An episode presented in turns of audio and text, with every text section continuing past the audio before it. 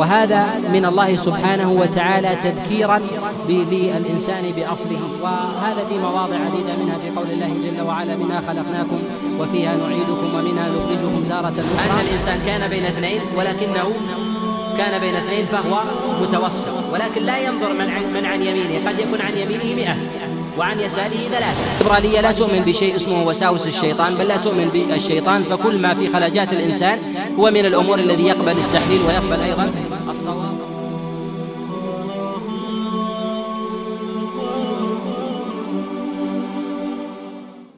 الحمد لله رب العالمين وصلى الله وسلم وبارك على نبينا محمد وعلى آله وأصحابه ومن تبعهم بإحسان إلى يوم الدين.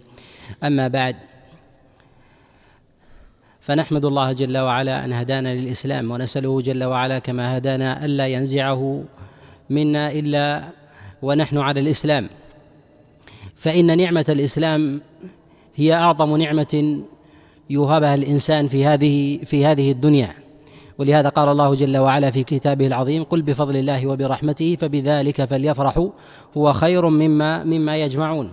فأعظم نعمة يمن الله جل وعلا بها على عباده ويجب عليه أن يفرح. أعظم من أي فرحة كانت من مال وولد وغير ذلك هي نعمة الإسلام. والله جل وعلا يوفق ويهدي إليها من يشاء رحمة منه ولطفا. ثم إنه من الأصول المهمة في دراسة الأفكار وكذلك الرجوع إلى معرفة أقوال الناس. وأصولهم هو أن يرجع الإنسان الشيء إلى اصله ومنبعه ولو كان بعيدا. حتى يتصور الإنسان ذلك القول أو ذلك الفكر أو ذلك العرق أو ذلك الجنس أو ذلك البلد. فإذا انتزعه من تاريخه وكذلك أيضا من سياقه فإن الإنسان لا يمكن أن يتصور أن يتصور ذلك المعلوم على على صورته الحقة. فيجهل شيئا ويعلم ويعلم شيئا ويحضره شيء ويغيب ويغيب عنه أشياء. ولهذا الله سبحانه وتعالى كثيرا ما يخاطب الإنسان ويذكره بأصله حتى يعرف الإنسان مقامه من التشريع وكذلك من موضع النزاع. فإذا عرف الإنسان مقامه من خالقه أدرك حقيقة الخلاف بينه وبين وبين الخالق. ولهذا قال الله جل وعلا في كتابه العظيم هو الذي خلقكم من تراب ثم من نطفة ثم ثم من علقة ثم يخرجكم ثم يخرجكم طفلا. وهذا من الله سبحانه وتعالى تذكيرا للإنسان بأصله. وهذا في مواضع عديدة منها في قول الله جل وعلا منها خلقناكم وفيها نعيدكم ومنها نخرجكم تارة أخرى. تذكير للإنسان بأصله حتى يعرف حقيقة حقيقة الصراع.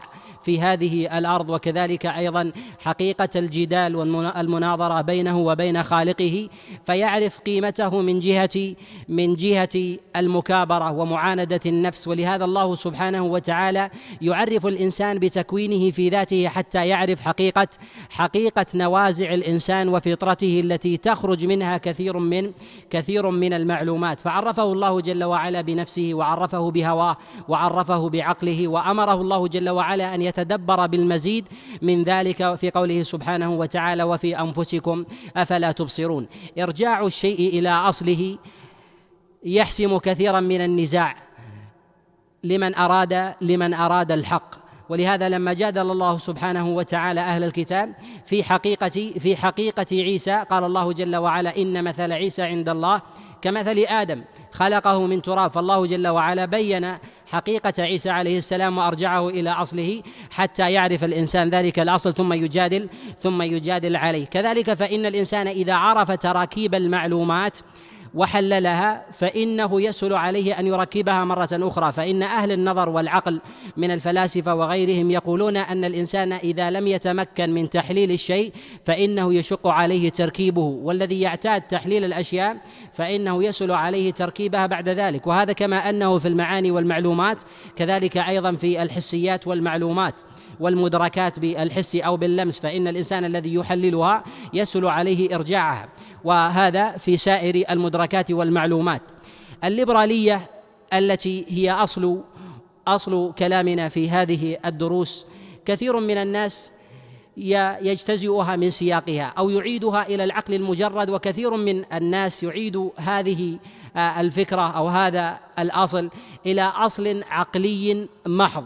وهذا التأصيل مرجعه من جهة النظر صحيح ولكن هو نوع من اجتزاء الفكرة وأخذها من سياقها التام ولهذا يجهل كثير من الناس حقيقة هذه حقيقة هذه الدعوة.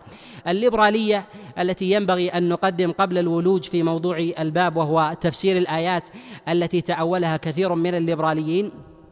الليبرالية كفكر هي نشأت في بيئة في بيئة مسيحية تدين تدين بالنصرانية. وهذا المنشأ إذا عرفت هذه البيئة ينبغي أن تدرس حقيقة هذا المجتمع وكذلك هذا المنشأ وحقيقة هذا حقيقة هذا الدين. وكما لا يخفى فإن الأصل من جهة من جهة تحكيم العقل والرجوع إليه له حظ وافر في المسيحية باعتبار قصور ما لديهم من كتاب عن الانغماس في شؤون الحياة وتنظيمها. فإن الله سبحانه وتعالى قد جعل كتابه الكريم وهو القرآن العظيم مهيمنا على سائر على سائر الكتب. وكذلك صالحا لأمر لأمر الدين لأمر الدين والدنيا. وجعل تمامه مشيرا إلى قصور كثير من الكتب السماوية الماضية باعتبار عدم الاشتراك في مجموع الخصائص. فإن الله جل وعلا قد جعل كتابه صالحا لكل زمان ومكان. وجعل الرسول الذي حمل ذلك الكتاب مرسلا إلى الناس كافة. كما قال الله جل وعلا وما أرسلناك إلا كافة للناس. وقال الله جل وعلا إني رسول الله إليكم جميعا. وكذلك أيضا في قول الله سبحانه وتعالى تبارك الذي نزل الفرقان على عبده ليكون للعالمين نذيرا. فالله جل وعلا قد أنزل كتابه للعالمين. وهؤلاء العالمين يقتضي تنوعهم تنوع أفكارهم وكذلك مصالحهم ومشاربهم ومقتضى ذلك أن يكون القرآن صالح لسائر تلك لسائر تلك الأنواع والأجناس. إذا عرف الإنسان ذلك عرف البون بين كتاب الله جل وعلا القرآن وما خصه الله جل وعلا بجملة من الخصائص التي تباينت عن سائر عن سائر الكتب. أصل كل فكرة عقلانية في بني إسرائيل وما بعدهم هي الفلسفة العلمانية. الفلسفة العلمانية يظن كثير من الناس أنها وجدت في الأزمنة المتأخرة وهي ما قبل الإسلام وتسمى أيضا في بعض الدواوين والقوانين المسيحية بهذا بهذا الاسم. الفكر المسيحي أو المجتمع المسيحي ينقسم في بيئته وتركيبه حتى قبل الإسلام إلى قسمين. المجتمع أو القسم الأول هم الإكليروس وهم رجال الكهنوت ورجال الدين وهؤلاء الذين يجعلون من أنفسهم الواسطة بين الخالق والمخلوق. وهؤلاء هم رجال الدين الذين يسمون برجال الدين أو رجال الكهنوت أو رجال أو رجال اللاهوت أو القساوسة أو أو القديسون ونحو ذلك. هؤلاء هم الذين يربطون سائر الناس برب العالمين. القسم الثاني هم العلمانيون.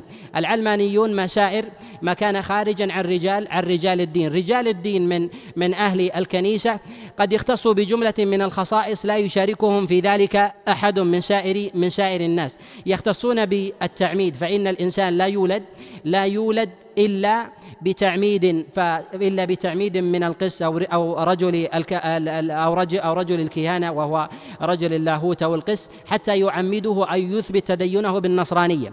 فإذا ولد المولود في البيئة النصرانية ولم يثبت على هذا على هذا النحو فإنه لا يعترف بديانته من بكونه نصرانيا. كذلك فإن ملازمته برجال الكهنوت بصلته بسائر الأنواع من جهة التعميد في ابتداء ولادته كذلك في أثناء حياته فيما يقترفه من ذنب. فإذا اقترف ذنبا فإنه لا يتوب إلى الله جل وعلا مباشرة وإنما يذهب إلى القديس أو يذهب إلى القس أو رجل أو رجل الكهنوت أو اللاهوت فيتوب عنده ويعطيه صك الغفران. فلا يمكن أن يصل إلى الله جل وعلا إلا بواسطة إلا بواسطة أولئك. كذلك أيضا فإنه في حياته حتى أمر الزواج فإنه لا يتزوج إلا إلا بتشريف وتشريع من ذلك من ذلك النوع وهو القسم الأول. كذلك أيضا في حال وفاته فإنه لا يموت على الملة وعلى الفطرة المسيحية إلا إلا بتدشين وتشريع من من رجال الكهنوت فإنهم يقومون على تغسيله وتكفينه بذواتهم ومن غسله من غيرهم فإنه لا يكون قد مات على على تلك الملة. وهذا منفك عن بيئة الإسلام. ولا يوجد في شريعة الإسلام هذا التقسيم من جهة من جهة الأصل.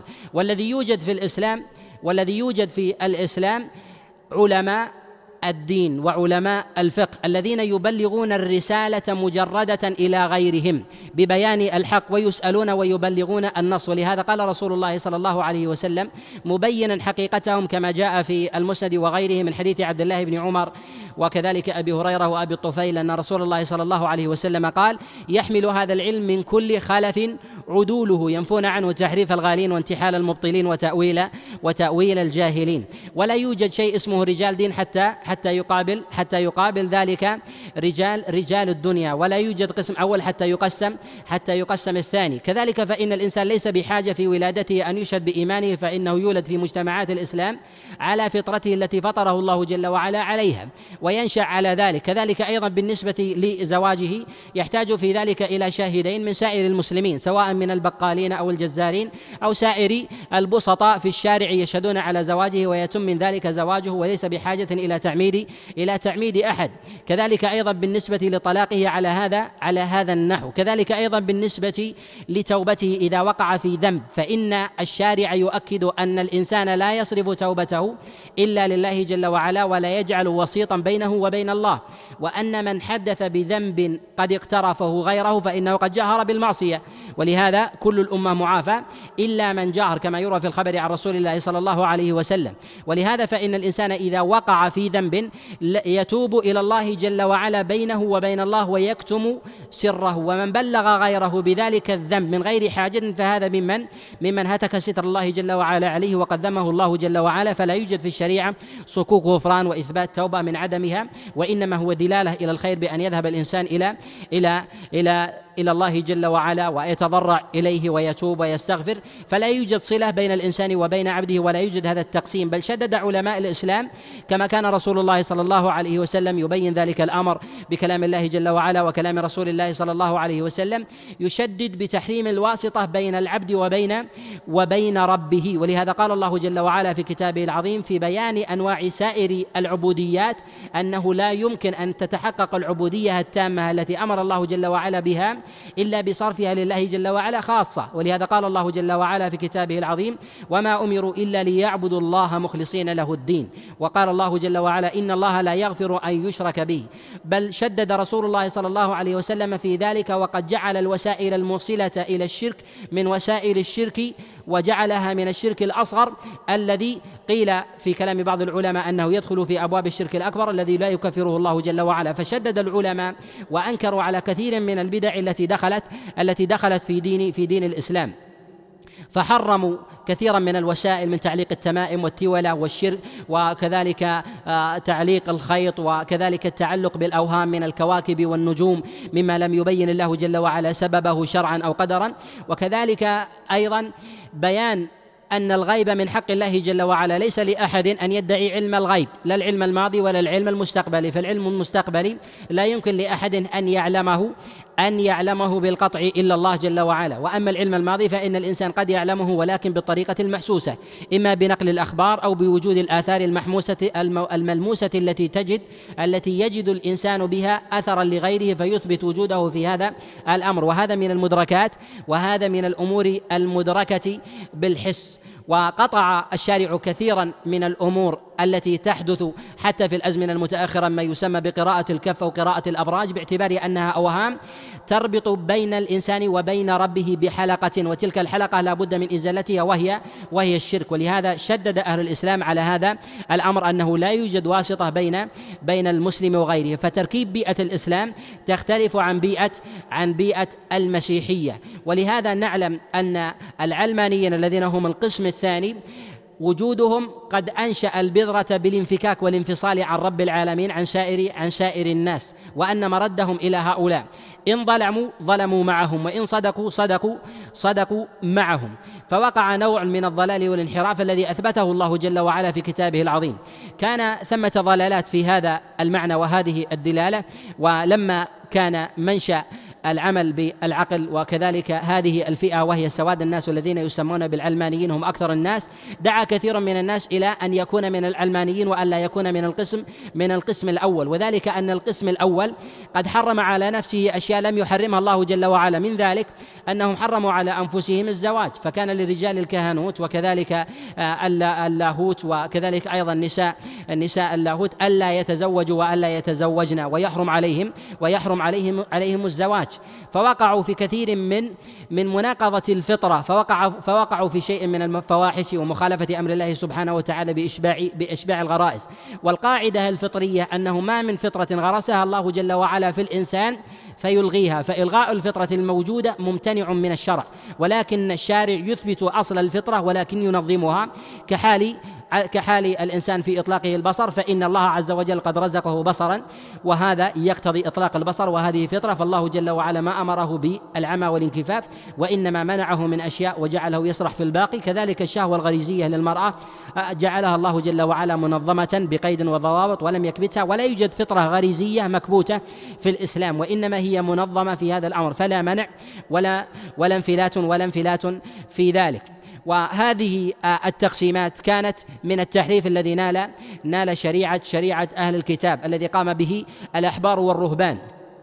فكان ثمة نوع تصحيح قبل الميلاد لهذه الفطرة أو لهذه الشريعة المبدلة. وكذلك عدم قبول من جهة العقل من جهة العقل بها. فظهر دعاة من آه، النصرانية من من بني إسرائيل بأن هذه الشريعة شريعة باطلة ولم تكن على هذا النحو على هذا النحو. سواء كانت من العقيدة المتعلقة بالله جل وعلا بالإيمان بالثالوث بأن بأن الله جل وعلا وابنه وروح القدس هم آه، هم آه، هم الذين يعبدون وهؤلاء يرجعون يرجعون ويشتركون في إدارة الكون وأن هذه العقول وأن هذا المعنى لا يمكن أن يتحقق من جهة العقل. كذلك أيضا الممارسات الأخرى من جهة الصلة بين العبد وبين وبين ربه التي قننوها ووجدت في حياتهم على هذا النحو.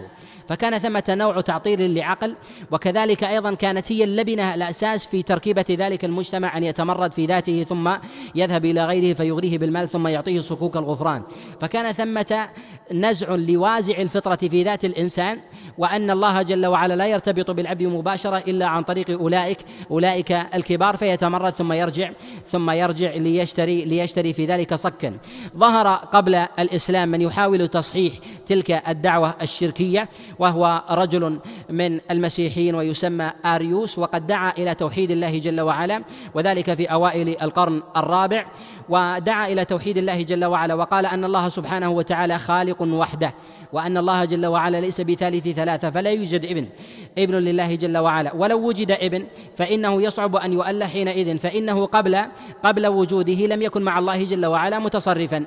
ولما كان بعد الله جل وعلا لم يكن ليشارك الله الله جل وعلا قبل قبل ذلك لأن الله جل وعلا احق منه بهذا الأمر. فنبذها من جهة الفطرة. فنزع في ذلك نزاعا شديدا وأصبح ثمة انشقاق في المجتمع المسيحي حتى تبعه على ذلك جماعة جماعة من القساوسه قيل أنهم قد بلغوا ستة عشر ستة عشر قسا من من الكنيسة آه، الأرثوذكسية وهي الكنيسة الشرقية. ومنشأها ومقرها في مصر في الإسكندرية وذلك في أوائل القرن الرابع الميلادي.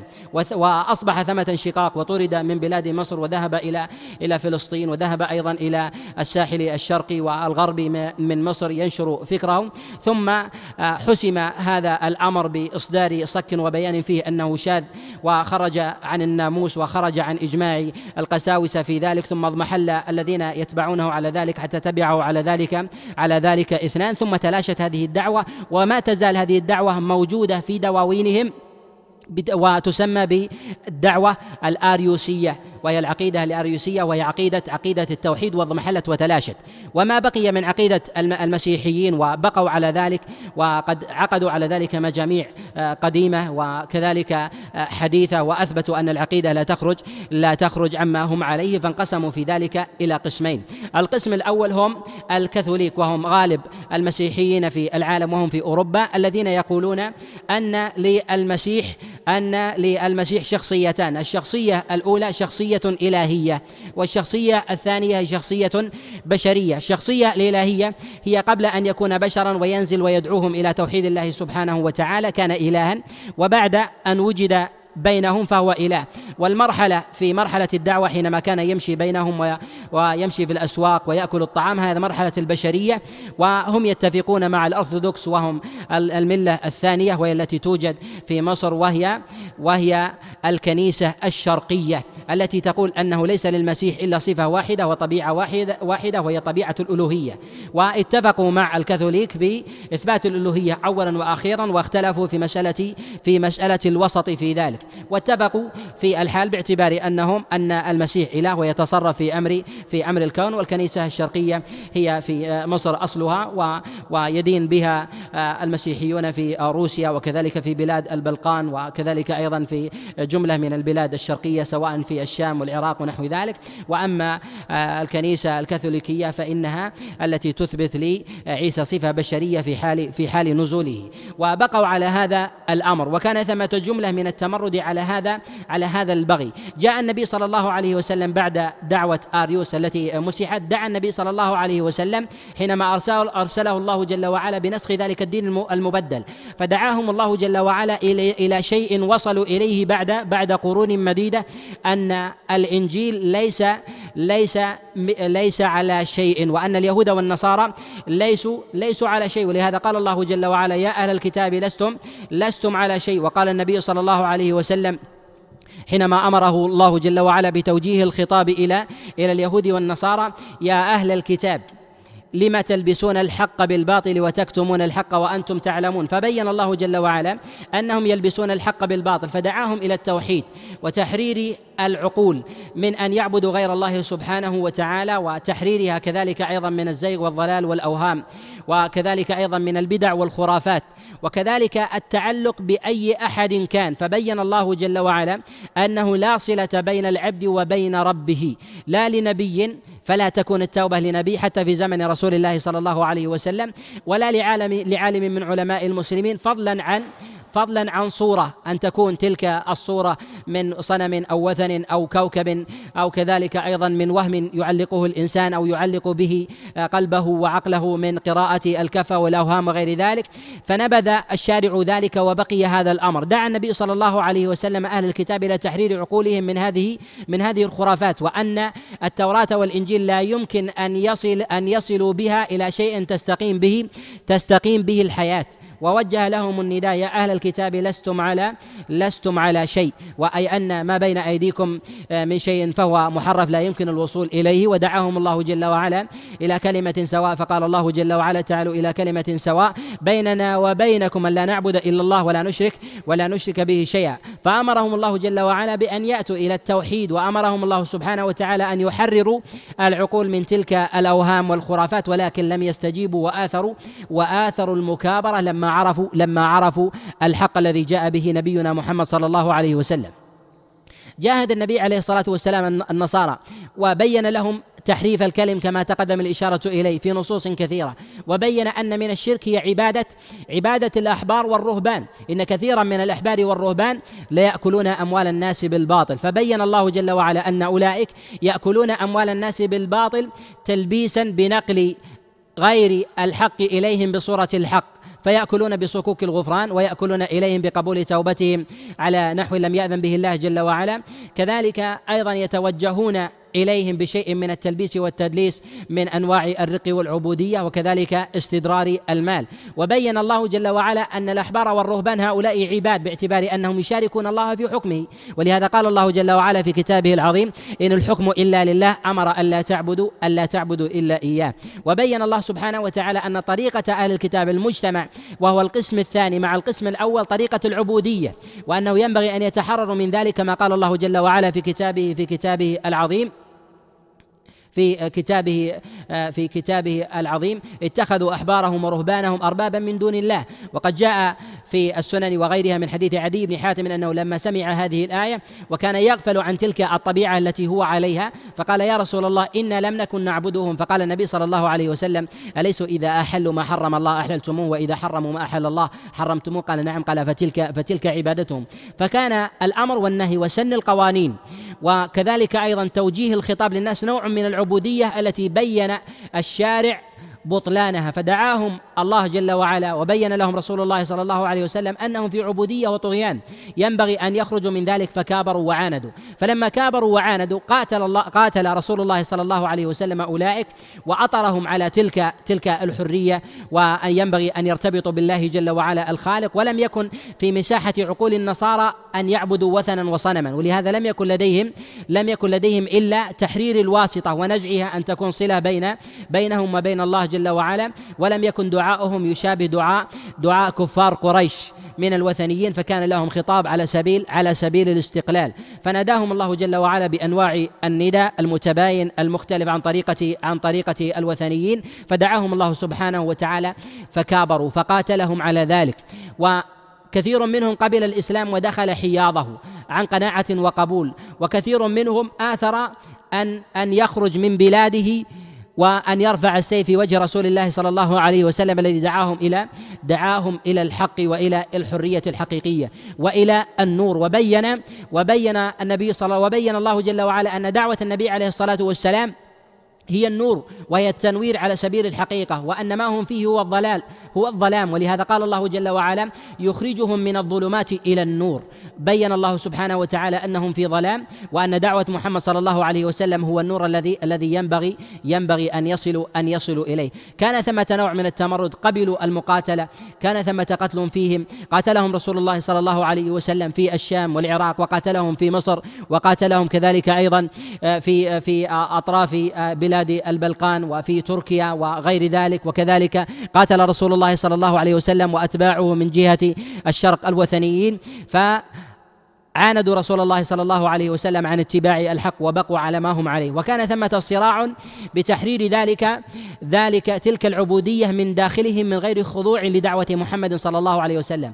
وظهرت دعوات شبيهة بدعوة آريوس السابقة التي قبل الميلاد وكانت تقمع. ولم تكن ثمة دعوة ظاهرة.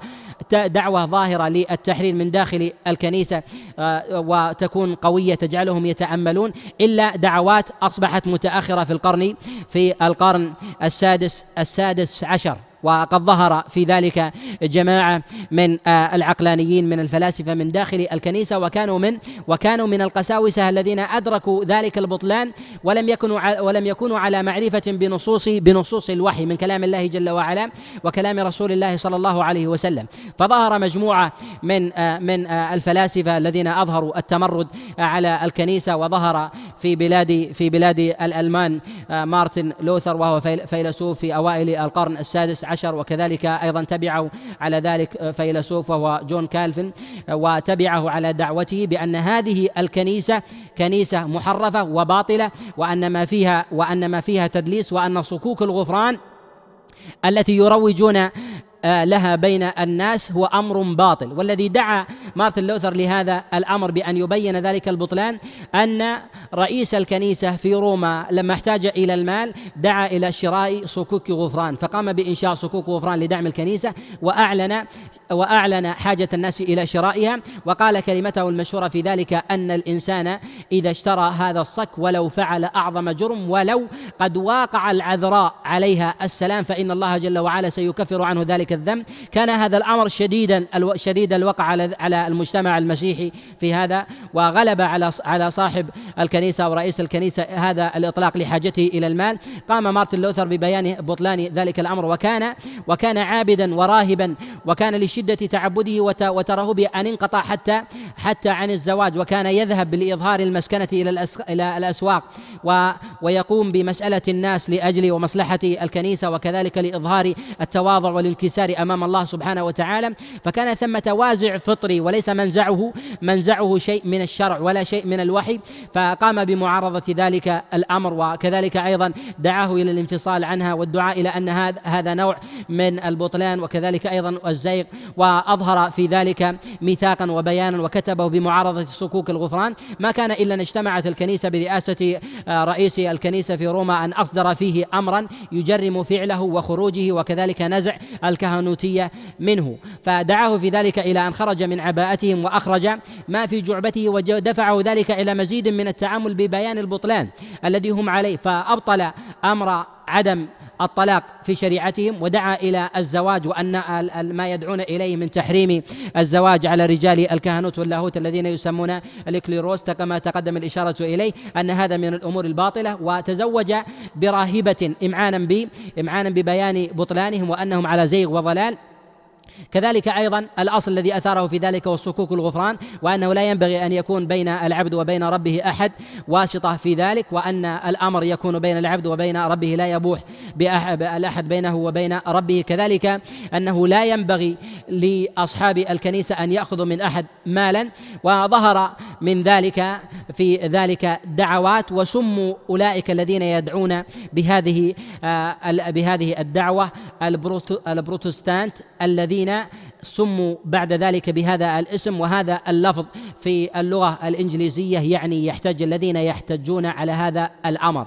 فسموا بهذا الاسم ونشأت كنيسة ثالثة هي خارجة عن الكاثوليك والأرثوذكس بهذه الكنيسة وكان روادها مارتن لوثر ومارتن لوثر وكذلك أيضا كالفن وظهروا على هذا النحو وأنشأوا هذه الكنيسة وأثاروا مسألة التقشف وكذلك وضع التماثيل. ولهذا الكنائس الذي تنتمي إليهم للبروتستانت لم يكن فيها إلى يومنا هذا ما يسمى بالأصنام وكذلك الصور ولم يكن فيها البذخ إلى يومنا هذا فكانت منتزعة عن تلك الطريقة.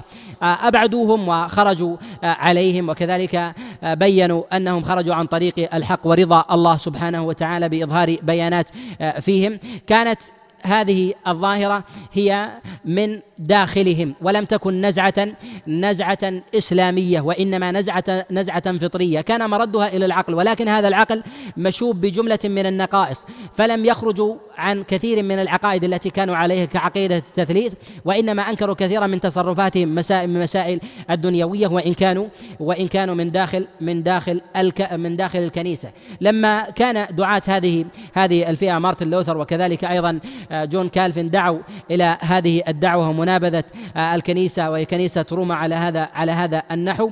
أصبح لهذين أتباع أتباع كثر يدعون إليه. ولما كانت كان هذا التصحيح مرده إلى العقل يريدون أن يصححوا دين محرف. بعقل مجرد وهذا من الأمور من الأمور المحالة أن يكون ذلك النظام صحيحا بالعقل المجرد. انقسم أتباع مارتن لوثر وكذلك كالفن بفئتين فتقاتلا وتصارعا بالردود وكذلك بالسنان تقاتلوا على مدى ثلاثين على ثلاثين عاما. فأصبحت الكالفينية تختلف عن اللوثرية في ذلك ولم يحل ذلك الأمر وكانت دعوتهم في ابتداء الأمر أن ثمة تفاؤل بتصحيح أمر الكنيسة من داخلها. فلما وقع الصراع لم ينزع ذلك الصراع بعد وفاة هذين بنحو مئة مئة عام بأتباعهم إلا باجتماع مندوبون باجتماع آه، مندوبين من من سائر بلاد أوروبا وذلك عام 1648 للميلاد. اجتمعوا اجتمعوا على أن على أن الدين الكنسي أو الدين المسيحي لا صلة له لا صلة له بالسياسة ولا بحياة الناس. فحسم الخلاف بين اللوثرية والكالفينية وخرجوا بهذا الأمر وأن الكاثوليك وكذلك أيضا اللوثرية وكذلك الكالفينية هي ديانات تسامح كل يعبد الله عز وجل كما يريد وأنه لا يصلح الناس إلا أن يفصل أمر أمر سياسة الناس ومجتمعهم عن عما هم فيه من تعبد. فنشأ ما يسمى بتسامح الدين في ذلك في ذلك الزمن لديهم والذي وصلوا إليه في هذه المرحلة هو الذي دعاهم إليه رسول الله صلى الله عليه وسلم قبل ذلك. وبين لهم يا أهل الكتاب لستم على شيء. وبين لهم رسول الله صلى الله عليه وسلم أنهم يحرفون الكلمة الكلمة عن مواضعه فوصلوا إلى نصف المرحلة وهي أن التوراة والإنجيل ليست بصالحة للحياة وهو الذي قاتلهم رسول الله صلى الله عليه وسلم وآثروا إراقة الدماء والأسر والعبودية وان أن أن يجلوا من ديارهم وبلدانهم إلى أطراف أوروبا. فدخلت العراق وكذلك الشام وكذلك أيضا بلاد تركيا ومصر في في الإسلام واثروا البقاء بدفع الجزية ومغادرة ومغادرة كثير منهم بلدان المسلمين واقروا بذلك بعد 900 سنة بما دعا إليه رسول الله صلى الله عليه وسلم. ولما كان هؤلاء هؤلاء المفكرون الذين وصلوا إلى ما وصلوا إليه بعيدون عن معاقل الإسلام ولم تكن ولم يكن دين الإسلام قد وصل إليهم ناضجا كان كانت تلك الدعوة هي دعوة فطرية. فيها نوع تأثر ب فيها نوع تأثر بالإسلام بالفطرة أو ربما بالمخالطة ونحو ذلك. والذين يدعون إلى الإسلام وهيبة لقلوبهم وعرقهم تمتزج الأعراق وكذلك أيضا الشعوبية وكذلك قيمة البلدان بما هم بما هم فيه ولا يستطيعون أن ينتقلوا. فحينئذ يصلون إلى شطر الحقيقة الذين يستطيعون أن يخرجوا منه وهو أن يخرجوا الناس إلى إلى ما هم مما هم فيه من ظلام ويخرجونهم إلى حرية إلى حرية الدين. فلا يستطيعون أن يدخلونهم في الإسلام ولا في غيره. فدعوا إلى حرية الدين وهذا أقصى ما يصلون إليه لأنهم لو دعوا إلى الإسلام لقتلوا وصلبوا وصلبوا ولم ولم يقبل منهم ذلك لأنه لأنه يظهر يظهر في تلك المجتمعات التعصبات العرقية ولو لم تكن دينية كذلك أيضا آه، كذلك الإقليمية والقطرية فتشترك وتمتزج مع الدين ولا يقبل منهم ذلك الحق. فرضوا بأن بأن تكون الحرية حرية حرية دين أن يخرج الإنسان من الدين الذي والذي هو فيه ويخرج إلى إلى ما يريد. فظهر لديهم في ذلك الزمن حرية حرية الدين والانتقال من الدين الذي هم فيه إلى ما يريدون. وبدأ الغرب يؤسس لمسألة الحريات في ذلك الزمن. وهذه الحريات كانت دعوة يسيرة وبعد ذلك الانفصال الذي أسسوه في القرن السابع وهو أن الدين المسيحي وأن الكتاب المقدس لا علاقة له بالسياسة وأنه بعد هذا الصراع الطويل لا يمكن أن تحكم أن يحكم الدين ذلك ذلك الأمر في مجتمعاتهم وأحوالهم وأن هذه أمور خاصة للناس وأن هذه الديانات كلها ديانات تسامح الكاثوليكية والأرثوذكس وكذلك أيضا البروتستانت أن هذه ديانات يأخذون منها ما يشاءون وكلها دين تسامح وكلها تؤدي إلى الله جل وعلا. وصلوا إلى هذا الأمر. أسسوا في ذلك الزمن الذي يسمى بالليبرالية السياسية. فظهر ذلك الأمر في ذلك الزمن في القرن السابع ولكنها مشوبة بجملة من من من الظلم والكبت وكذلك عادات الناس التي لم يصححها لم يصححها أحد وكانت من جملة تحكيمات العقول. وكان في أوروبا ما يسمى ما يسمى بقهر العمال والذي يسمى بالإقطاع. فكان لدى الأوروبيين والبيئة المسيحية عبودية تختلف عن عبودية الإسلام والرق في الإسلام. الرق في الإسلام سببه الكفر والأسر أن من لم يرضى بحرية محمد صلى الله عليه وسلم وقبل بأن بأن يقاد خلف هؤلاء الذين حرفوا كلام الله جل وعلا من الأحبار والرهبان فليأتي إلى العبودية عبودية الإسلام أن يكون قنا وكذلك أيضا معبودا يباع ويشترى ولا يجوز ولا يجوز أن يؤخذ من ذلك حق فإن لطمه صاحبه تحرر. وكذلك جعل النبي صلى الله عليه وسلم كما هو ظاهر في كلام الله جل وعلا وكذلك في كثير من نصوص السنة جعل النبي صلى الله عليه وسلم كثيرا من الذنوب تكفر بتحرير بتحرير أولئك من كفارة اليمين وكفارة الظهار وكذلك أيضا كذلك أيضا قتل النفس وغيرها من الكفارات وحث أيضا على عتق عتق الرقاب في نصوص كثيرة بتحرير هذا الأمر ما يدل على أن هذا الأمر لم يكن مقصودا مقصودا في ذلك ولكن هو إخراج لهم من بيئتهم التي هم فيها حتى يعيشوا حرية الإسلام والإيمان عن قرب بعيدا عما هم فيه ولو كانوا ولو كانوا قد بقوا على ما هم على ما هم على ما هم عليه.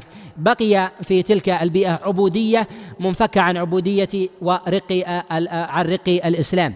والرق في المجتمعات في في هذه الأرض يختلف عن الرق لدى المجتمع المسيحي. لا في في عصر اليونان وفلاسفتهم وكذلك أيضا في في الإسلام كان كان هذا الرق في أوروبا يختلف. وذلك أن أن العبودية في أوروبا هي عبودية للأرض فكانت المزارع فيها فيها أناس يعملون يعملون فيها والعبودية لهذه الأرض لا يخرجون منها فإذا باع هذه الأرض يكون معه أولئك أولئك العمال وهؤلاء العمال لا يخرجون منها إلى أي أرض أخرى وهؤلاء يعيشون على ملء ملء بطونهم بل بلغت العبودية فيهم أن الذين يملكون الأموال والرؤساء والملوك وكذلك أيضا الذين يشاركونهم رجال الكهنوت هؤلاء بلغوا أدنى مراتب العبودية أن الرجل منهم إذا أراد أن يتزوج امرأة منهم بكرا أنها لا تحل له حتى يطأها صاحب الأرض حتى تحل للرجل الذي يريد أن يتزوج فكانت عبودية قاسية قاسية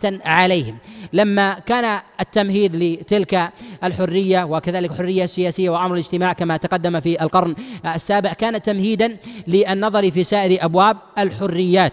جاء ذلك الأمر وهو آه، حر وتلك العبودية وهي عبودية الإقطاعيين الذين آه، الذين يتبعون لأصحاب الأرض وملاكها.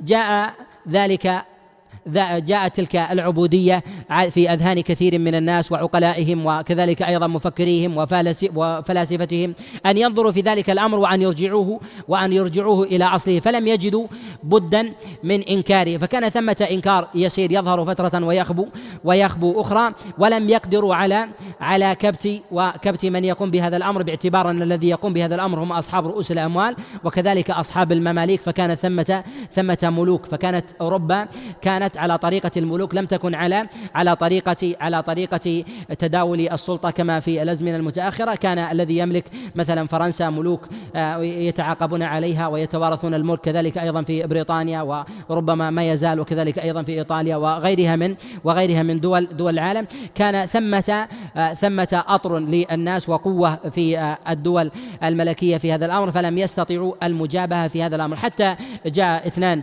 من المفكرين في فرنسا وكان الإقطاع فيهم على شدته وتلك العبودية وهم آه، جان جاك روسو وتبعه على ذلك جماعة من آه، الفلاسفة وأشهر من أشهرهم في ذلك فولتير.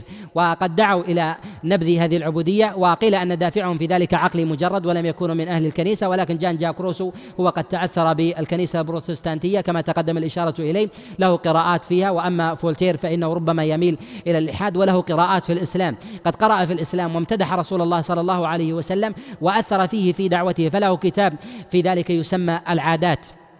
قد امتدح رسول الله صلى الله عليه وسلم فقال محمد من أعظم مشرعي مشرعي العالم. وقد ترجم هذا الكتاب إلى العربية ترجمه أحد آه، أحد المفكرين من المصريين. كذلك أيضا له كتاب آه، في ذلك في حضارات الأمم. ومدح رسول الله صلى الله عليه وسلم قال أنه أنه آه، أن أنه من عقلاء العالم وفلاسفتهم وحكمائهم وصاحب الدين العقلاني.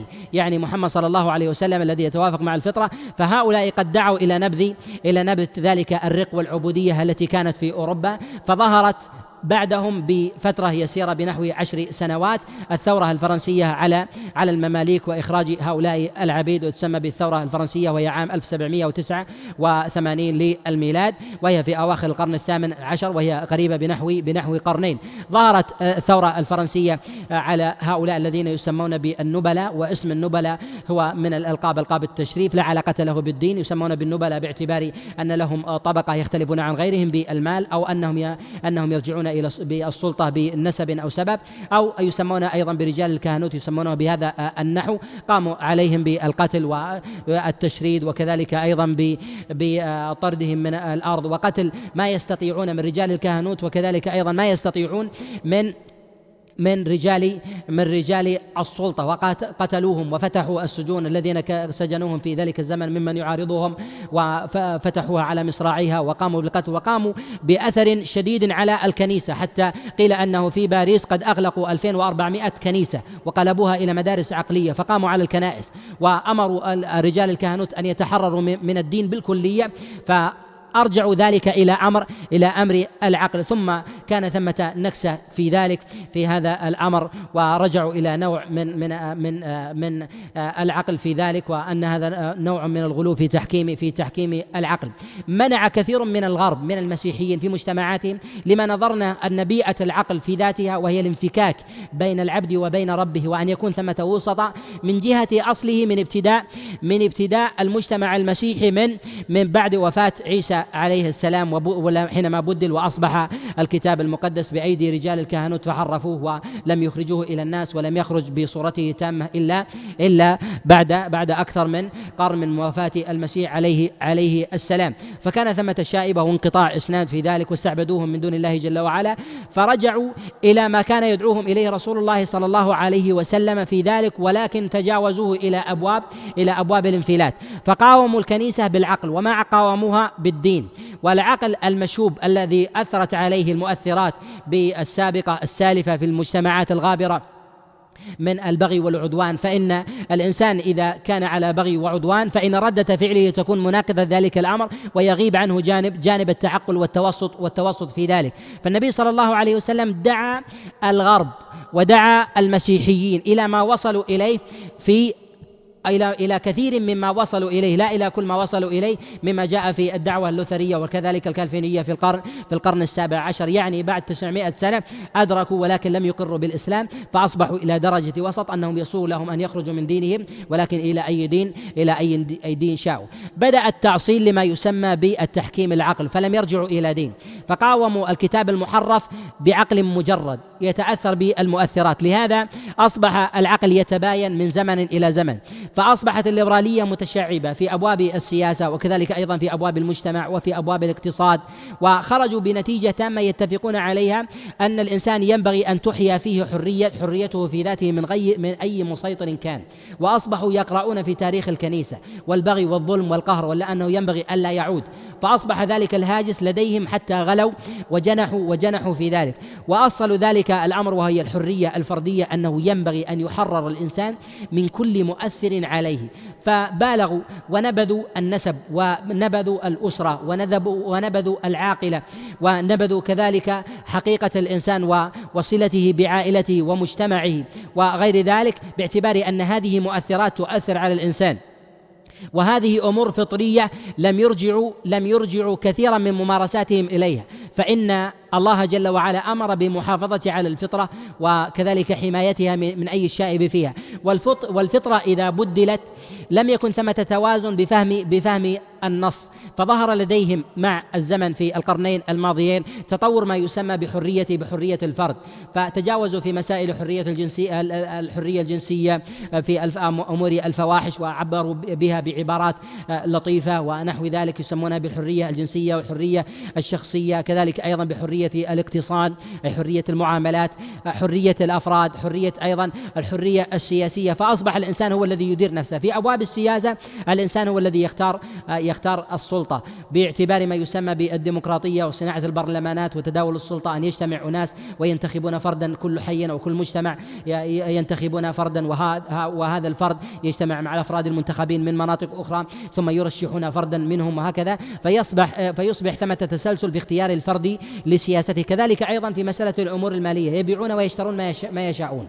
شريطة ألا يؤدي ذلك إلى إلى الإضرار بالغير. فيمارس الإنسان حريته الذاتية بما لا يضر غيره ولا يؤثر غيره غيره عليه. فبالغوا في مسألة ألا يؤثر غيره عليه مبالغة مبالغة شديدة حتى وصلوا إلى إلى الغلو في ذلك والوسوسة في هذا الأمر. حتى أصدرت آه، أو أصدرت الدول الأوروبية وكذلك وقع عليه للأسف كثير من الدول الإسلامية ما يسمى بحقوق الطفل وأن وهو أنه للطفل بمجرد ولادته ألا يؤمر بأي عقيدة وإنما يترك إلى الشارع.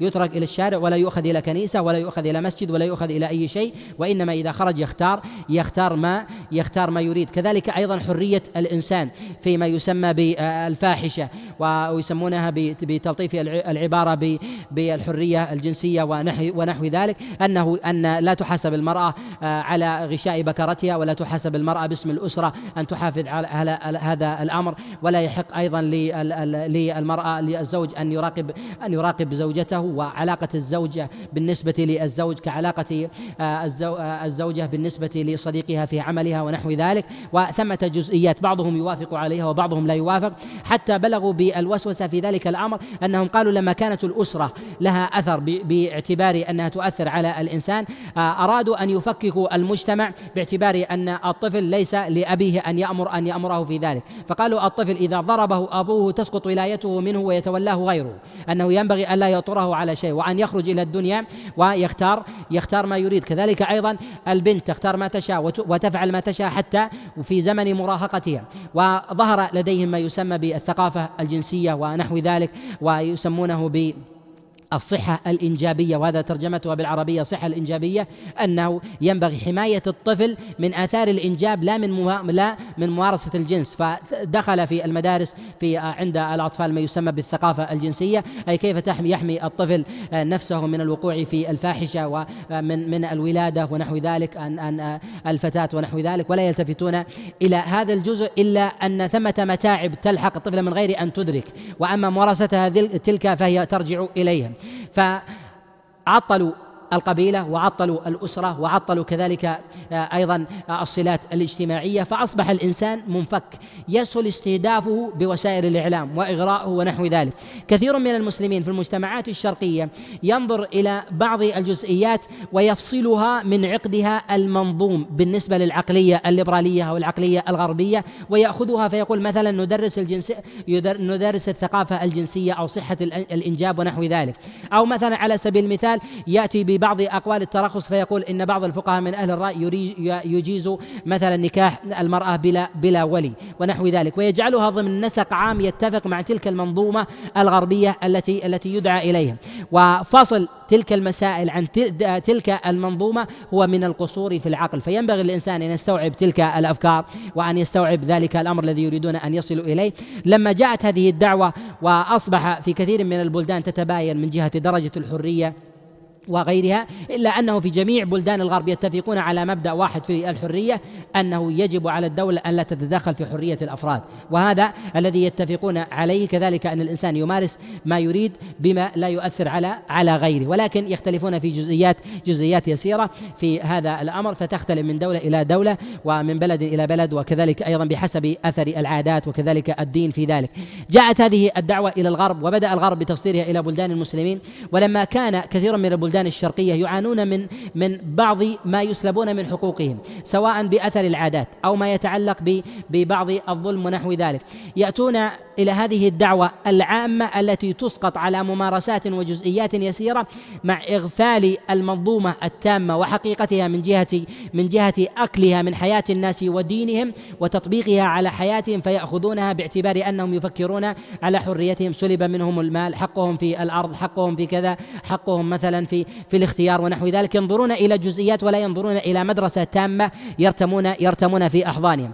فأصبح ثمة إشكال عظيم جدا في فهم هذه الأمور. ثمة كثير من المسلمين لما استجاب بالوهلة والانبهار إلى أمثال هذه الدعوة ذهب إليها تلته نصوص الكتاب والسنة فاحجم وانبهر بهذه الأدلة التي تعارض على ما هم عليه. منهم من دعا إلى ما يسمى بالليبرالية الإسلامية وحاول التوسط في ذلك حينما وصل إلى نصف الطريق. ومنهم من تجاوز القنطرة ودخل وعاند وكابر في ذلك ومنهم من بقي في حياض الإسلام وحاول أن يستفيد من تلك من من ذلك الانفلات العقلي في بلاد الغرب ويوصله إلى بلدان المسلمين وهؤلاء لا يخلون من من أخطاء. فأصبح كثير منهم يؤصل لكثير من المسائل التي التي يراها في بلدان الغرب ويريد تطبيقها على نحو قاصر أو أو معارض لكلام الله جل وعلا. في بلدان المسلمين فأصبح يستدل ببعض النصوص من كلام الله جل وعلا وكلام رسول الله صلى الله عليه وسلم على نحو لا يتفق مع لا يتفق مع الشرع ولا يتفق مع العقل لمن أراد العقل. وثمة طائفة أخرى عظم عليها الطرح بالعقل. أنك مكبوت وانك وأنك تعاني من قهر وظلم. فلما كان ثمة إسراف في هذا الباب فإن الإنسان صدق هذا الأمر وأصبح ينظر إلى نفسه بتوجس وأن ينظر إلى الأمر الذي يعطى بتوجس. وصدق أنه في كبت وأصبح يريد التحلل والتحرر في مثل هذا الأمر. فأصبحت الليبرالية في بلدان المسلمين هي ليبرالية خديجة. لا يستطيعون أن يرجعوها إلى أصلها ولا يستطيعون أن يفهمونها وأن يصلوها بنظم عظمها وسلكها وكذلك أيضا خرزها حتى حتى ينظروا إليها عقدا تاما فينظروا إليه بقبح وحسن ولكن ينظرون إلى تلك الجزئيات فيسقط لها ذلك التشريع. وينبغي أن يعلم أن ذلك التأصيل العام بهذا النحو من أخطر ما يكون على بلدان المسلمين إذا أخذ على هذا النحو التام. كثير من الناس لقصور عقله ينظر إلى جزئيات إلى إلى خرزة من ذلك العقد ثم يقول هذا أمر حسن وهذه الخرزة لا يمكن أن تنفك من ذلك العقد بذاته وإنما إذا جاءت هذه الخرزة جاء جاء ما يليها. لهذا ينبغي للإنسان أن يحتاط بأن يسقط نوعا من الحق ولو حرم فيه حفاظا على المنظومة العامة المنظومة العامة للإسلام. وأن يحافظ على دينه وكما يحافظ كما يحافظ القطان على على قطنه واسفنجه من السفود. فإن الإنسان إذا أراد صاحب القطن أن ينظف القطن والاسفنج من من السفود وهو الشوك الذي ينغمس فيه فإنه لا بد أن يجذب معه شيء من الاسفنج فيضيع شيء من ذلك حفاظا على على الاصل على الأصل الذي استقر استقر لديه من دين وكذلك أيضا مما مما هو عليه. لهذا ينبغي للإنسان أن يتعامل مع هذه الأفكار. لا بتعامل مسائل وقضايا جزئية ويريد أن يفصلها ونحو ذلك. وهؤلاء الذين كثر الطرق عليهم بالكبت ونحو ذلك أصبحوا ينظرون إلى بعض الجزئيات بحال التوجس. فينظر الطفل إلى حال أبيه وأن ينظر كذلك أيضا الرجل في الشارع إلى إلى إلى من يأمره وينهى ويرى ذلك من التسلط وكذلك الجبروت ونحو ذلك. ف تنشأ في النفوس أمثال هذه الدعوات حتى حتى ربما يدعون إليها بضلال بضلال وبغي. هذه الدعوة ينبغي أن تفهم على هذا النحو والليبرالية بحاجة إلى كلام أوسع أوسع في هذا في هذا الأمر و, و وبحاجة إلى إرجاعها إلى أصلها وفهمها كمنظومه كمنظومة تامة. وأخطر ما في الليبرالية هو أن تدخل تلك المنظومة التامة تحت ستار التشريع. وهذه الليبرالية كما تقدم الإشارة إليه لما جاءت إلى بلدان المسلمين وجاءت رأسها وظفرها إلى بلدان المسلمين انبهر كثير من الناس بها فانساقوا إليها ككثير من الناس الذين ينساقون إلى كثير من الدعوات. الناس انقسموا على ثلاثة أقسام. أناس انتظروا وهم أهل العقل والحصافة ينظرون إليها حتى حتى حتى حتى تتميز وتبين. وأناس قد ذهبوا إليها فلما لحقتهم وتبعتهم نصوص الكتاب والسنة وأن الأدلة من الكتاب والسنة جاءت على هذا النحو توقفوا على تلك القنطرة. إن التفتوا إلى إلى الإسلام وأدلته من الكتاب والسنة انبهروا بقوة الحجة ووضوح الدليل مما لا يمكن تأويله. وإن التفتوا يمنة انبهروا بقوة المنطق والفلسفة العقل الغربي. فأصبحوا في حيرة كحال كثير من المنافقين. وأناس معاندون تجاوزوا تلك القنطرة وانغمسوا في في في في في أحضان آه، ذلك الفكر وأناس أصبحوا في حياض المسلمين وتشرئب رؤوسهم وأعناقهم إلى إلى ذلك الفكر. فكان ثمة أناس لوازع الدين يريدون أن يؤصلوا بعض هذه الدعوات من ذلك من تلك المنظومة ليريدون أن تصل بلدان المسلمين إلى ما وصل إليه الغرب ولكن تلك المنظومة لا يمكن أن تنفصل على هذا النحو وينبغي أن يدعى إلى تصحيح الشائب من عادات المسلمين باسم الإسلام الصحيح لا باسم الدعوات الأخرى وأن يبين الدليل وأن يلتزم النص من كلام الله جل وعلا وكلام رسول الله صلى الله عليه وسلم. وهذا آه، هو كما تقدم الإشارة إليه هو من أخطر الأنواع أن يشرع لتلك المنظومة بجزئيات يسيرة. الأمر الذي ينبغي أن يلتفت إليه أن النبي صلى الله عليه وسلم يسقط الحق إذا كان لفرد ألا يدخل تحت ستار مظلة ضالة وهو هدم أصل عام. وقد جاء في الصحيحين وغيرهما أن النبي صلى الله عليه وسلم قد مر على رجل وهو يعظ أخاه في الحياة فقال إنه قد إنه قد أضر بك. فقال له رسول الله صلى الله عليه وسلم دعه فإن الحياء لا يأتي لا يأتي إلا بخير. النبي صلى الله عليه وسلم لما رأى دعوة هذا الرجل يريد أن يعيد حق فرد بنقض أصل عام وهو أصل الحياء زجره النبي عليه الصلاة والسلام وقال دعه فإن الحياة لا تاتي إلا بخير فأبطل حق ذلك الرجل ولم يبحثوا لماذا؟ لأن حقوق الأفراد لا ينبغي أن تكون أن أن أن تذهب تحت آه، مظلة فاسدة أو بإهدار مظلة مظلة عظيمة وهي مظلة الإسلام، كثير من الناس يريد أن يأخذ من المظلة العظيمة سلكا أو خيطا فيجر من تلك المظلة ما ينفعه هو في حرية فرده ونحو ذلك وينسى أن تلك المظلة ستأتي وتظله وتظل غيره ويتساقط معها كثير من الأحكام التي لا يمكن أن تتفق مع الإسلام لا أصولا ولا ولا فروعا. نحن في هذه المحاضرات نتكلم على تلك الجزئيات وتلك الأدلة التي يستدل بها كثير من من أهل الإسلام الذين ربما بعضهم يحسن الظن بهم من كتاب وربما طلاب علم أو دعاة أو ربما ممن يساء الظن بهم الذين يلتمسون الدليل ولا يلتمسون ولا يلتمسون الغاية منه. فكان ثمة حاجة ماسة لجمع الأدلة التي يستدل بها هؤلاء وهذا مما يفتقر أو تفتقر إليه دواوين العلم وكذلك أيضا المعرفة. ولا أعلم احدا من تكلم أو جمع جمع الآيات التي يستدل بها هؤلاء وفحصها وتكلم عليها وبين الشبهة التي يريدونها في أمثال هذه الأدلة حتى تصح للناس آه، العقول ويسلم لهم الدين. فلا يمتزجوا في هذه فلا يمتزجون في شائبة هم آه، أحوج ما يكونون للبعد للبعد عنها. الغرب حينما أخذ وعاد إلى ما دعا إليه رسول الله صلى الله عليه وسلم من من غير إقرار بأن التوراة والإنجيل ليست آه، في شيء وأن أهل الكتاب ليسوا على شيء. كما نداهم رسول الله صلى الله عليه وسلم بعد 900 سنة ذلك الانفلات العقلي الذي هم فيه. هل سينتظرون إلى مثل تلك المدة حتى يرجعوا عن العقل الذي هم فيه من أبواب الانفلات؟ و وهذا ما لا ينبغي لعقلاء الغرب وكذلك عقلاء الإسلام أن ينساقوا أمثال ذلك. وقد وهبهم الله جل وعلا ذلك الكتاب العظيم الذي هو تبيان لكل شيء وهو محفوظ. لا يشابه لا يشابه غيره ولهذا قال الله جل وعلا إنا نحن نزلنا الذكر وإنا له لحافظون.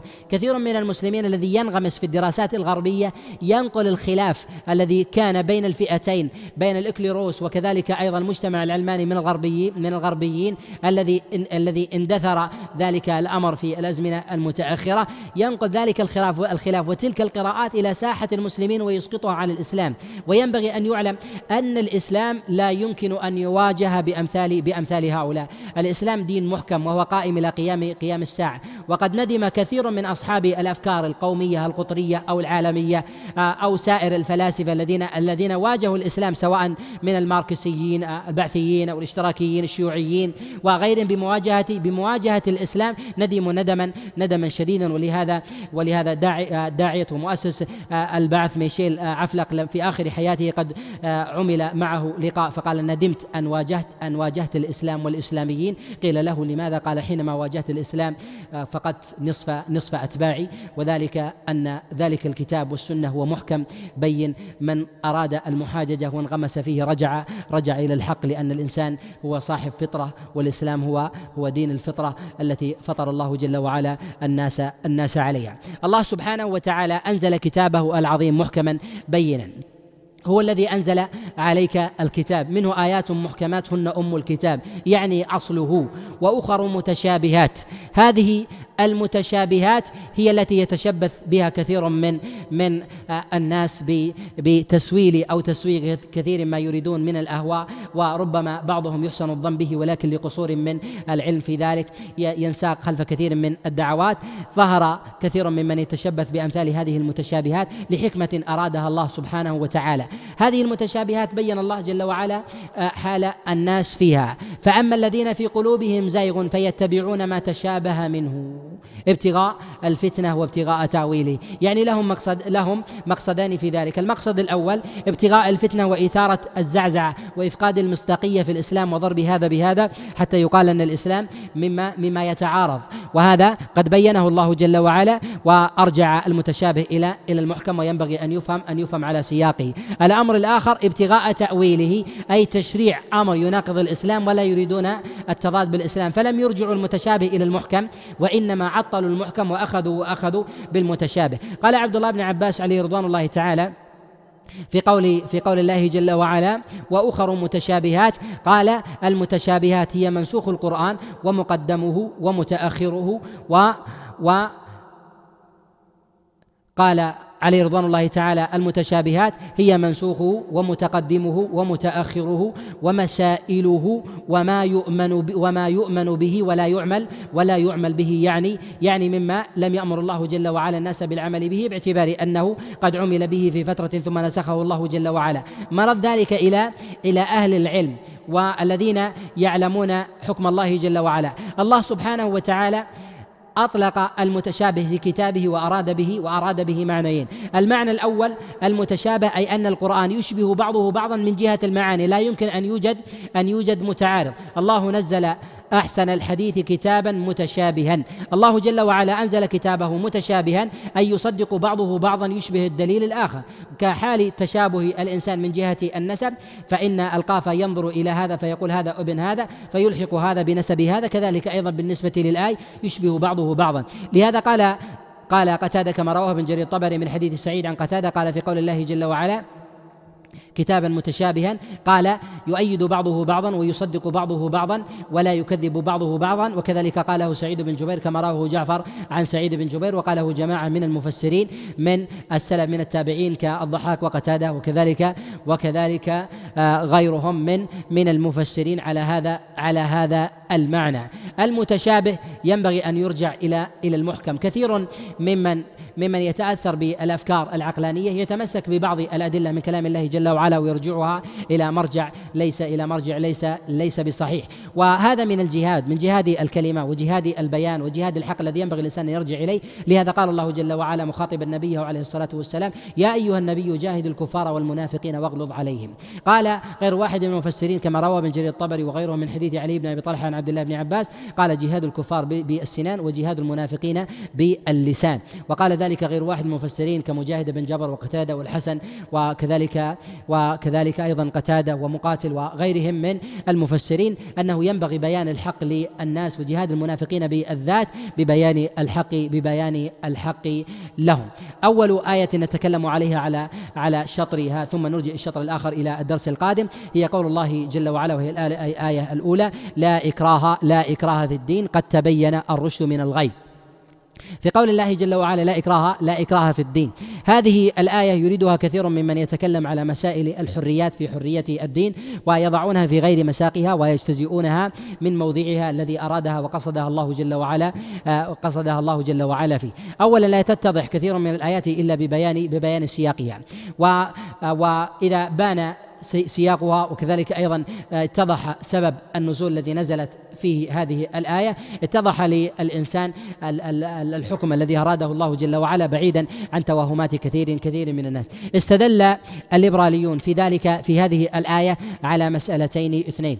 المسألة الأولى إبطال ما يسمى ما إبطال الجهاد أو ما يسمى بجهاد الطلب وأنه لا يوجد شيء اسمه جهاد جهاد طلب في زماننا باعتبار أن الإسلام قد قرر الحرية والجهاد ينافي الحرية حينئذ لا يوجد شيء اسمه جهاد جهاد الطلب. المسألة الثانية حرية الاعتقاد فالإنسان يخرج من دين الإسلام كما يشاء وكذلك يدخل إليه. قالوا الأمر في ذلك متسع على السواء الدخول منه والخروج منه يسمونها حرية حرية الاعتقاد باعتبار أنها جزء من حرية حرية الفرد. رجعوا إلى هذا الأمر باعتبار هذا العموم في قول الشارع لا إكراه لا إكراه في الدين في هذا المجلس نتكلم على سبيل الاختصار على الجزئية الأولى وما يتعلق بإبطال بإبطال الجهاد. اولا هذه الآية قد آه، نزلت في آه، بني النضير وكما روى أبو داود في كتابه السنن من حديث شعبة عن أبي آه، بشر عن سعيد بن جبير عن عبد الله بن عباس قال كان أهل المدينة لما قدم رسول الله صلى الله عليه وسلم وقبل يعني أن يقدم تكون المرأة مقلاة يعني لا ينجب لا ينجب لها لا ينجب لها لها شيء أو ينجب لها و ويموت في ولادة في ولادته أو في رضاعه. فتقسم إن كان على إن, إن, إن, إن ولدت ذكرا أو أنثى أن أجعله في اليهود لأن أهل المدينة كان فيهم وثنية فيرون أن أهل الكتاب من بني النظير في أنهم آه أنهم أصحاب كتاب فيتيمنون بهم على سبيل آه على سبيل آه, التبشير في ذلك فيضعون أبنائهم عندهم فكان هذا نوع من الجاهلية فولد كثير من نساء الأوس أولادا وإناثا فجعلوهم مسترضعين عندهم. لما جاء النبي عليه الصلاة والسلام وأصبحت هذه العلاقة موجودة وأمر الله جل وعلا نبيه عليه الصلاة والسلام أن يخرج اليهود من من المدينة. بقي هؤلاء الذين الذين معلقين بين أولئك. جاءوا إلى رسول الله صلى الله عليه وسلم فقالوا إن أبناءنا يريدون أن يخرجون أن يخرجوا مع أن يخرجوا مع اليهود. وكانوا على دينهم أي تدينوا بدين بدين اليهود فبقوا على أمرهم فدعاهم رسول الله صلى الله عليه وسلم قبل ذلك وبقوا على دين مسترضعيهم من من من اليهود. فعرض عليهم رسول الله صلى الله عليه وسلم الإسلام فامتنعوا فأنزل الله جل وعلا قوله لا إكراه لا إكراه في الدين وهذا مما لا خلاف فيه أن من كان من أهل الكتاب على دينه لا يكره على دخوله في الإسلام لا يكره في دخوله في الإسلام لكن إن دخل الإسلام فإنه لا يخرج لا يخرج منه. وهذا الذي يخلط فيه من يتكلم على هذه هذه القضية. ما يعنينا في هذا الأمر ما يتعلق بمسألة بمسألة الجهاد. إذا علم السياق المقصود منه فإن رسول الله صلى الله عليه وسلم أنزل الله جل وعلا عليه ذلك الأمر في ثنايا جهاد وهو إخراج اليهود من بني النضير من المدينة إلى إلى خيبر وكذلك بداية الصراع في ذلك. وما كان قتال رسول الله صلى الله عليه وسلم في بني النضير وبني قريظة إلا بعد إلا بعد ذلك. فكل جهاد النبي عليه الصلاة والسلام بعد هذا كذلك ينقض هذا ويبينه ما جاء رسول الله صلى الله عليه وسلم من بيان أن الجهاد باقي إلى قيام الساعة كما جاء في صحيح الإمام مسلم من حديث ابن جريج عن أبي الزبير عن جابر بن عبد الله أن رسول الله صلى الله عليه وسلم قال لا تزال طائفة من أمتي يقاتلون ظاهرين على الحق. لا يضرهم من خالفهم إلى قيام الساعة حتى ينزل المسيح عيسى ابن مريم. وهذا فيه إشارة إلى أن المقاتلة في سبيل الله بقي إلى قيام الساعة وقد جاء في ذلك جملة من الأخبار في الصحيح أيضا من حديث معاوية وكذلك أيضا من حديث عبد الله بن عمرو. وقد جاء في ذلك أيضا ما رواه ابن عساكر في كتاب تاريخ دمشق من حديث يزيد بن أبي زياد عن أنس بن مالك أن رسول الله صلى الله عليه وسلم قال لا يزال الجهاد حلوا خضرا ما نزل القطر من السماء وإنه يأتي أقوام يقولون لا جهاد أولئك شرار الخلق. وهذا الحديث فيه ضعف ولكن جاء من وجه آخر بإسناد يعضده جاء عند ابن عساكر من حديث عبد الرحمن بن زيد بن أسلم عن أبيه عن رسول الله صلى الله عليه وسلم مرسلا أن رسول الله صلى الله عليه وسلم يقول أن الجهاد لا يزال حلوا خضرا ما نزل القطر من السماء وإنه يأتي أقوام في آخر الزمان يقولون لا جهاد ولا لا جهاد ولا رباط فقالوا يا رسول الله أو قائلون ذلك؟ قال نعم من عليه لعنة الله والملائكة والناس أجمعين وقد جاء في ذلك أيضا جملة من الأخبار. ثم أيضا إن مثل هذا المعنى يعني إبطال سائر جهاد رسول الله صلى الله عليه وسلم الذي كان بعد ذلك في بني قريظة وبني النظير وكذلك جهاد سائر الخلفاء الراشدين آه، على بطلان. كذلك أيضا من نظر إلى الآيات الأخرى في أمر رسول الله صلى الله عليه وسلم بمجاهدة الكفار والمنافقين والغلظة عليهم كما تقدم الإشارة إليه. كذلك أمر الله سبحانه وتعالى في قتال من من يلي أهل الإيمان من الكفار. قاتلوا الذين يلونكم من الكفار وليجدوا فيكم غلظة. وفي قول الله جل وعلا يا أيها الذي يا أيها النبي جاهد الكفار والمنافقين واغلظ عليهم. فجهاد الكفار بالسنان وجهاد المنافقين يكون باللسان. ولم يقل أحد من علماء الإسلام لا من المتقدمين ولا المتأخرين أن جهاد الطلب منسوخ وإنما يتباين فيه المصلحة من زمن إلى زمن. والذي يقوم في ذلك هو أهل أهل الحل والعقد من ولاة أمور المسلمين فينظرون في تحقيق هذا هذا الأمر بحسب المصلحة التي ترجع إلى المسلمين في دينهم في دينهم ودنياهم. وهذا ثمة أدلة كثيرة ويكفي في ذلك قطعيته وإجماع وإجماع أهل الإسلام في ذلك. وينبغي أن يعلم أن أهل الكتاب يختلفون في أمر الجهاد عن الوثنيين. الوثنيون يقاتلون ولا يقبل منهم جزية ولا يقبل ولا يقبل منهم إلا الدخول في الإسلام. وإنما يجوز للمسلمين أن يتغافلوا عنهم ويدعوهم ويكون بينهم بيع وشراء ونحو ذلك ولكن لا يقبل منهم جزية ولا يقبل منهم إلا إلا الإسلام. وهذا يدخل فيه قول الله قول الله جل وعلا كما جاء في الصحيحين وغيرهما من حديث أبي هريرة وغيره أمرت أن أقاتل الناس حتى يشهدوا أن لا إله إلا الله وأن محمد محمد رسول الله إلى آخر الخبر. اتفق العلماء على أن المراد بذلك هم هم الوثنيين وليس المراد بذلك هم أهل الكتاب وإنما أهل الكتاب يقاتلون إذا إذا لم يدفعوا الجزية أو خرقوا العهد والأمان بينهم وبين المسلمين. يدعوهم إلى الإسلام للإسلام فإن امتنعوا يؤمرون بالجزية. إن دفعوا الجزية يبقون على ما هم على ما هم عليه ويكونون بين بين المسلمين. ولا يؤمرون بالسيف فيوضع السيف على رقابهم أن يدخلوا الإسلام ولا يقبل منهم إلا هو. فهذا ليس ليس على على أهل على أهل الكتاب. وإنما الله جل وعلا قيد ذلك بدفعهم الجزية كما في قول الله سبحانه وتعالى حتى حتى يعطوا حتى يعطوا الجزية عن يد وهم صاغرون وخص ذلك بأهل الكتاب في قول الله جل وعلا من الذين أوتوا الكتاب حتى يعطوا الجزية عن يد وهم وهم صاغرون فالله جل وعلا أمر بقتالهم حتى حتى يكونوا على هذا على هذا الأمر. إذا ثمة فرق بين بين آه، الوثنيين وبين أهل الكتاب من جهة التعامل والعلاقة وهذه من خصائص أهل الكتاب الذي يتباينون عن عن الوثنيين في هذا في هذا الباب. وإذا عرف سبب النزول اتضح هذا الأمر وكذلك أيضا اتضحت المسألة الآتية الأخرى وهذا من المتشابه الذي ينبغي أن يعاد إلى المحكم من كلام الله جل وعلا وكلام رسول الله صلى الله عليه وسلم. أما المسألة الأخرى ما يتعلق في حرية الاعتقاد هي الشبهة التي وردت في هذه الآية نتكلم عليها بإذن الله عز وجل لأنها تحتاج إلى كلام طويل في المجلس القادم بإذن الله سبحانه وتعالى. ونجيب على ما تيسر من أسئلة وورد وورد فيها مما يتعلق بالباب. ونعتذر عما خرج عن خرج عن موضوع اليوم. وهذا من الله سبحانه وتعالى تذكيرا للإنسان بأصله. وهذا في مواضع عديدة منها في قول الله جل وعلا منها خلقناكم وفيها نعيدكم ومنها نخرجكم تارة أخرى. أن الإنسان كان بين اثنين ولكنه كان بين اثنين فهو متوسط. ولكن لا ينظر من عن, من عن يمينه قد يكون عن يمينه مئة.